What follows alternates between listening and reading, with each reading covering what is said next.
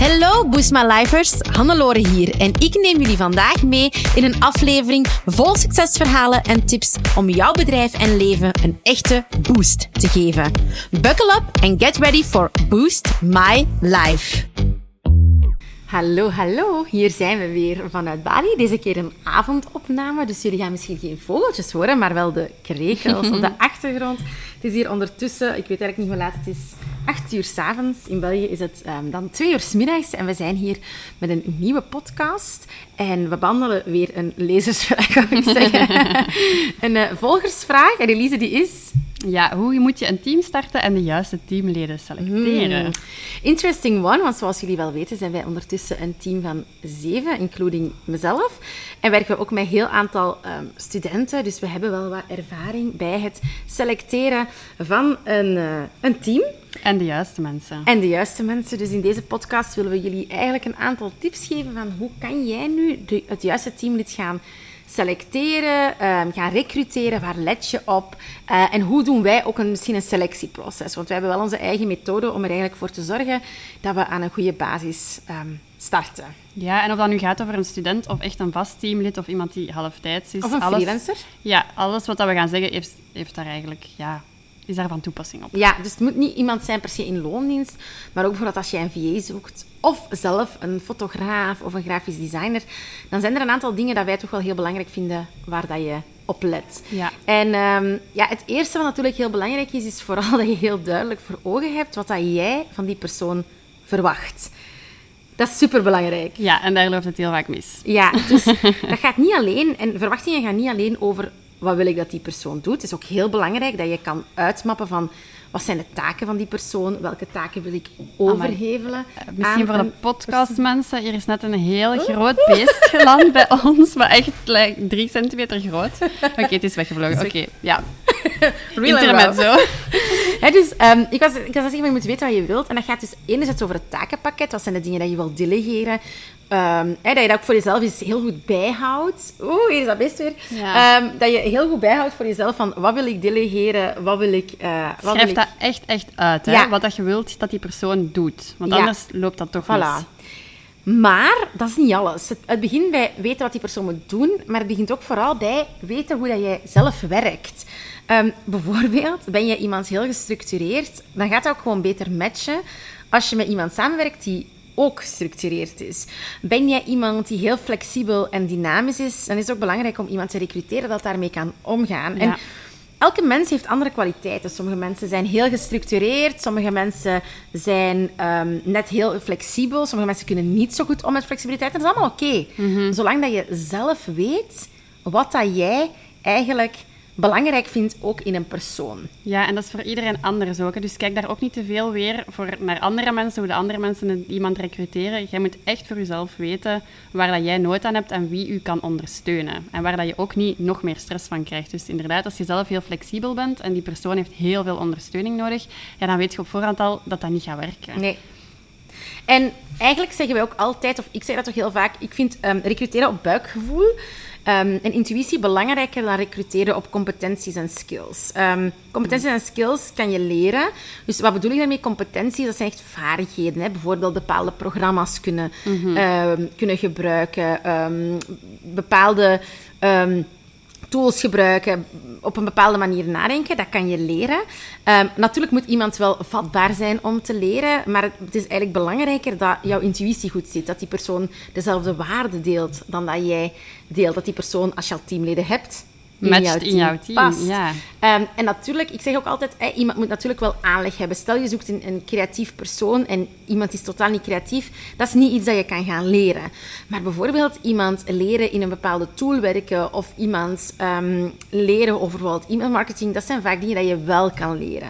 Ja, dat Dus- is een beetje het verschil tussen die soft skills en hard, Ja. hard skills. Hè, bijvoorbeeld- ja, iemand strategisch leren denken, dat kan je ook vaak niet leren. Dat is, je hebt dat of je hebt dat niet. Je ziet de bigger picture of je ziet het niet.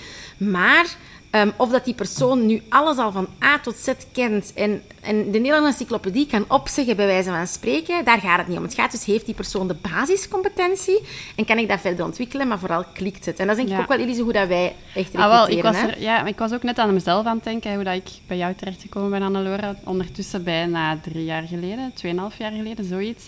Ik was eerst nog student en ik studeerde communicatiewetenschappen en digitaal business management, dus ik had wel al wat achtergrond, maar als ik nu kijk wat ik allemaal doe vandaag, ja, daarvan heb ik eigenlijk vrij weinig geleerd op school. En Mhm. dat zijn juist die skills dat Hannelore mij ook heeft geleerd. Dus ik denk dat Hannelore, allee, als ik dat mag zeggen, je ziet wel het potentieel. En dat is ook belangrijk dat je dat potentieel ziet in de mensen die je gaat recruteren. Want is er een mogelijkheid, mogelijkheid om die persoon iets aan te leren, dan is dat oké dat hij nog niet alles kan van in het begin. Want Ja. jij, jij bent de expert en jij kunt die dat ook allemaal uitleggen.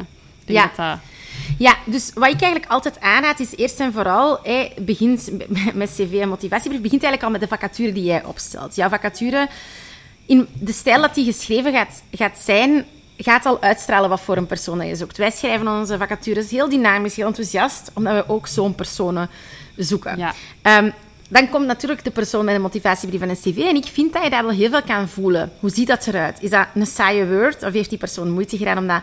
staan er heel veel fouten in. Is Ja. dat met beste meneer, mevrouw, ja, dan weet je al dat die persoon geen moeite heeft gedaan om op te zoeken dat, wie dat de CEO van het Ja. bedrijf überhaupt is. Ik denk onze laatste recruit, hè, Charlina bijvoorbeeld, had een heel... ehm, wij merkten in haar motivatiebrief dat zij ons al heel lang volgt, dat zij weet Ja. wat dat wij doen.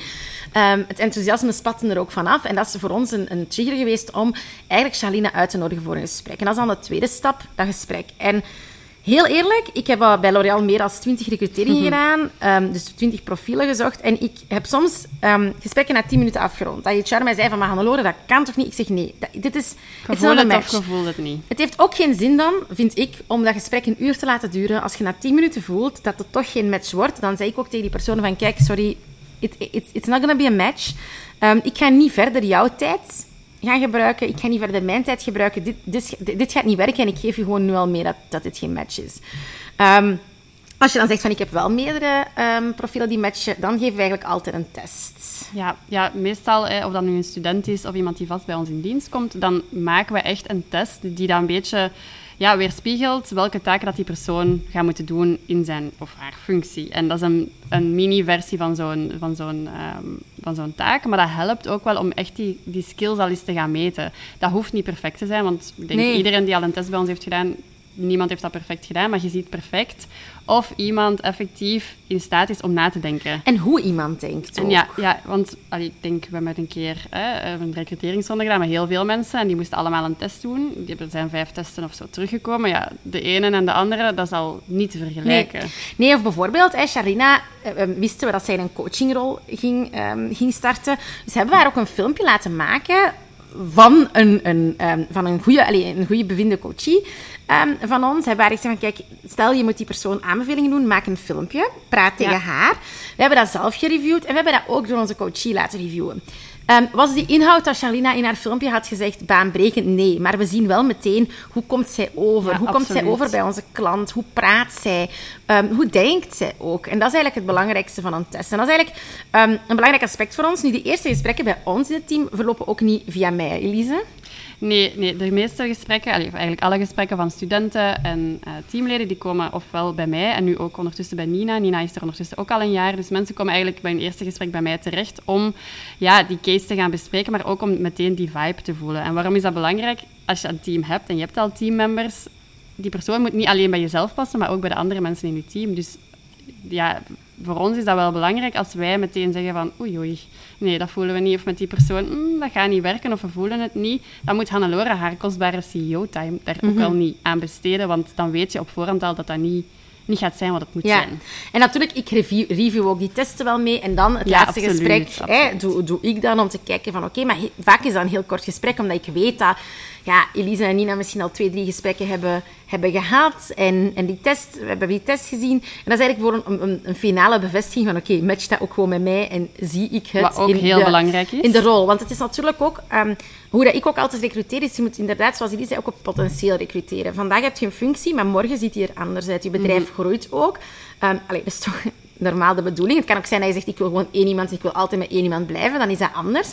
Want dan ga je heel weinig doorgroeimogelijkheden hebben voor jouw teamleden. Dus dan is het ook belangrijk dat je misschien iemand recruteert die niet heel ambitieus Ja, die daar is. minder op naar op... En dat kan ook, hè, dat je daar minder naar op zoek Ja. bent. Maar dan moet je wel een persoon zoeken die dat ook niet wilt. Die Ja. heeft van, ik ben helemaal oké met vijf jaar, tien jaar, twintig jaar hetzelfde Ja. te doen. Terwijl als je natuurlijk zegt van, ik wil wel groeien. En oké, je zet een jong bedrijf, dus je kunt dat ook niet, niet 100% garanderen en weten naar waar. Moet je ook wel recruteren op mensen die poten- groeipotentieel hebben, die flexibiliteit hebben, die, die het potentieel hebben. Dus dat is ook wel een belangrijke, dat je niet alleen kijkt naar vandaag, een korte termijn, maar dat je durft ehm, ja, projecteren naar de langere termijn. Van waar zie jij jouw bedrijf ook evolu- evolueren? Hoe zie jij jouw team evolueren? En ik raad ook eigenlijk altijd aan, teken een keer jouw dream team uit. Het is eigenlijk makkelijker om te beginnen met je eerste recruteringen als je jouw dream Ik heb dat ook. Ik heb ook een organigram voor binnen bijvoorbeeld twee of drie jaar. Hoe, welke posities zie ik daar? Wie, wie zou daar misschien nieuw gerecruiteerd worden? Wie kan, wie kan doorgroeien? En ik weet niet of dat, dat realiteit wordt binnen twee of drie jaar. Laten we hopen van wel. Maar het is wel makkelijker om te weten als je zegt van... Ik wil uitgroeien naar een team met tien man. Ja, als je je eerste recrutering aan doet... Ja, recruteert je best iemand met een beetje managementpersoneel... Potentieel personeel Personeel. managementpotentieel, met een beetje people management skills, dat kan die persoon ook leren. Maar als die persoon al aangeeft van ja, ik wil eigenlijk nooit een team managen, ik wil eigenlijk gewoon mijn ding doen, in mijn, allee, wat ook oké is, hè, alles is echt oké, hè. Ehm, ja, dan is dat misschien niet de juiste recruit op dat moment. Ja.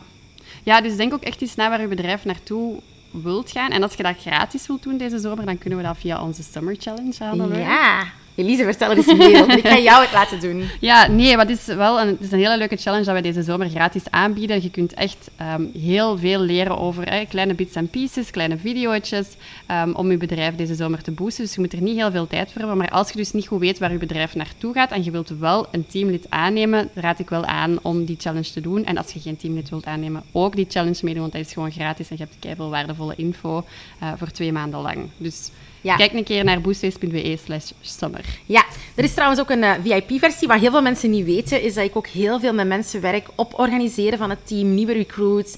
Maar ook als mensen een team hebben, hoe kun je je teamleden, of dat nu één iemand is, freelancers, hoe kun je die brengen tot de extra mile? Hoe kun je die gaan incentiviseren om nog meer te doen? Hoe kun je werken met, ehm groei, allee, met groeifiles? Hoe kun je een leerplan ontwikkelen voor je personeel? Maar ook hoe kun je KPI's zetten? Hoe kun je daar een bonussysteem eh, aanhangen? Hè, bijvoorbeeld als jij behandelingen doet en productverkoop, hè, hoe kan je dat gaan stimuleren? Of bijvoorbeeld als jij een, een winkel hebt en, en je hebt daar teamleden staan, hoe kan je ervoor zorgen dat die ook gestimuleerd worden om veel te verkopen? Want het is natuurlijk niet hun eigen winkel. En als je dat wilt doen, dat kan ook deze zomer, want exclusief hebben we een Summer VIP-programma waarbij je een één op één dag krijgt met mij en Elise en twee maanden WhatsApp support. Het is eigenlijk ideaal om ook die teamstructuren op punt te zetten. Ja, ja, want het is niet alleen de recrutering. Hè. Nee. Misschien moet je daar ook eens een Ja, ik aflevering was ook over maken. misschien moet je daar ook een aflevering Ja. over maken. Want het is niet alleen de recrutering, maar daarna begint het ook pas Ja. echt. Hè. Dus het is een goede start maken, de juiste vacature, je buikgevoel volgen, weten wat Ja. je verwacht van die persoon. Maar ook daarna, ja, dat loopt niet zomaar. Hè. Je kan die persoon niet gewoon Nee. loslaten. Je gaat ook een investering moeten doen. Dus denk er ook eens over na. Heb je tijd Ja, om te We investeren hebben nu in ook die eigenlijk persoon? een aantal klanten die we aan het begeleiden zijn naar het uitbreiden van een team. Ehm, ik heb ook iemand, en daar heb ik ook KPI's die al een team van acht personen heeft. Twee klanten die, een groot team hebben, waarbij we echt werken van oké, dat team staat niet, maar hoe kunnen we nu die, die nu doen groeien? Mhm. En hoe kun je dat team van je dromen uitbouwen? Because it takes some work. En ehm, ja, Ja, dat is ook wel een ja. belangrijke. Zorg dat je echt ruimte hebt in je agenda om die persoon ook op te leiden. Want die gaan niet vanaf dag één evenveel kunnen doen als dat jij allemaal Nee. doet. Zelfs niet vanaf jaar één. Of, eh, zorg wel dat je ruimte hebt om die persoon juist op te leiden, om die op te volgen. Want je kunt die niet gewoon Nee. in the wild Nee. Loslaten.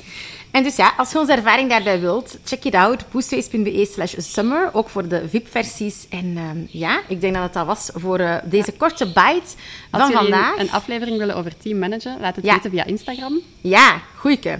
Want we horen graag jullie feedback en Ja. mening. Het is leuk als jullie iets laten weten. Zeker, want dit is nog maar mijn derde podcast-aflevering en het is wel spannend. Ja, dus give Elise some love en mij ook. Ja, sowieso. We all need some love. Dream team. Ja, dus, ehm, en als jullie nog verdere vragen hierover hebben, voed ons ook met topics. Ehm, het is altijd leuk om jullie vragen te kunnen beantwoorden en relevante informatie voor jullie te Ja, kunnen geven, absoluut. eerder dan omgekeerd. Dus laat het ons weten en dan horen we jullie later weer. Salutjes allemaal. Bye. Zo, dat was het alweer voor deze Boost My Life aflevering. Super fijn dat je erbij was. Merci. Heb je genoten van deze aflevering en een echte boost ervaren? Deel hem dan gerust met je collega-ondernemers, familie en vrienden of abonneer je op deze podcast. Delen in je socials is extra lief. Voor meer tips en tricks om jouw onderneming te boosten, volg je ons op je favoriete social media kanaal op boostways.be of bezoek je onze website www.boostways.be. Heel erg bedankt en tot de volgende keer. Let's boost your business, let's boost your life.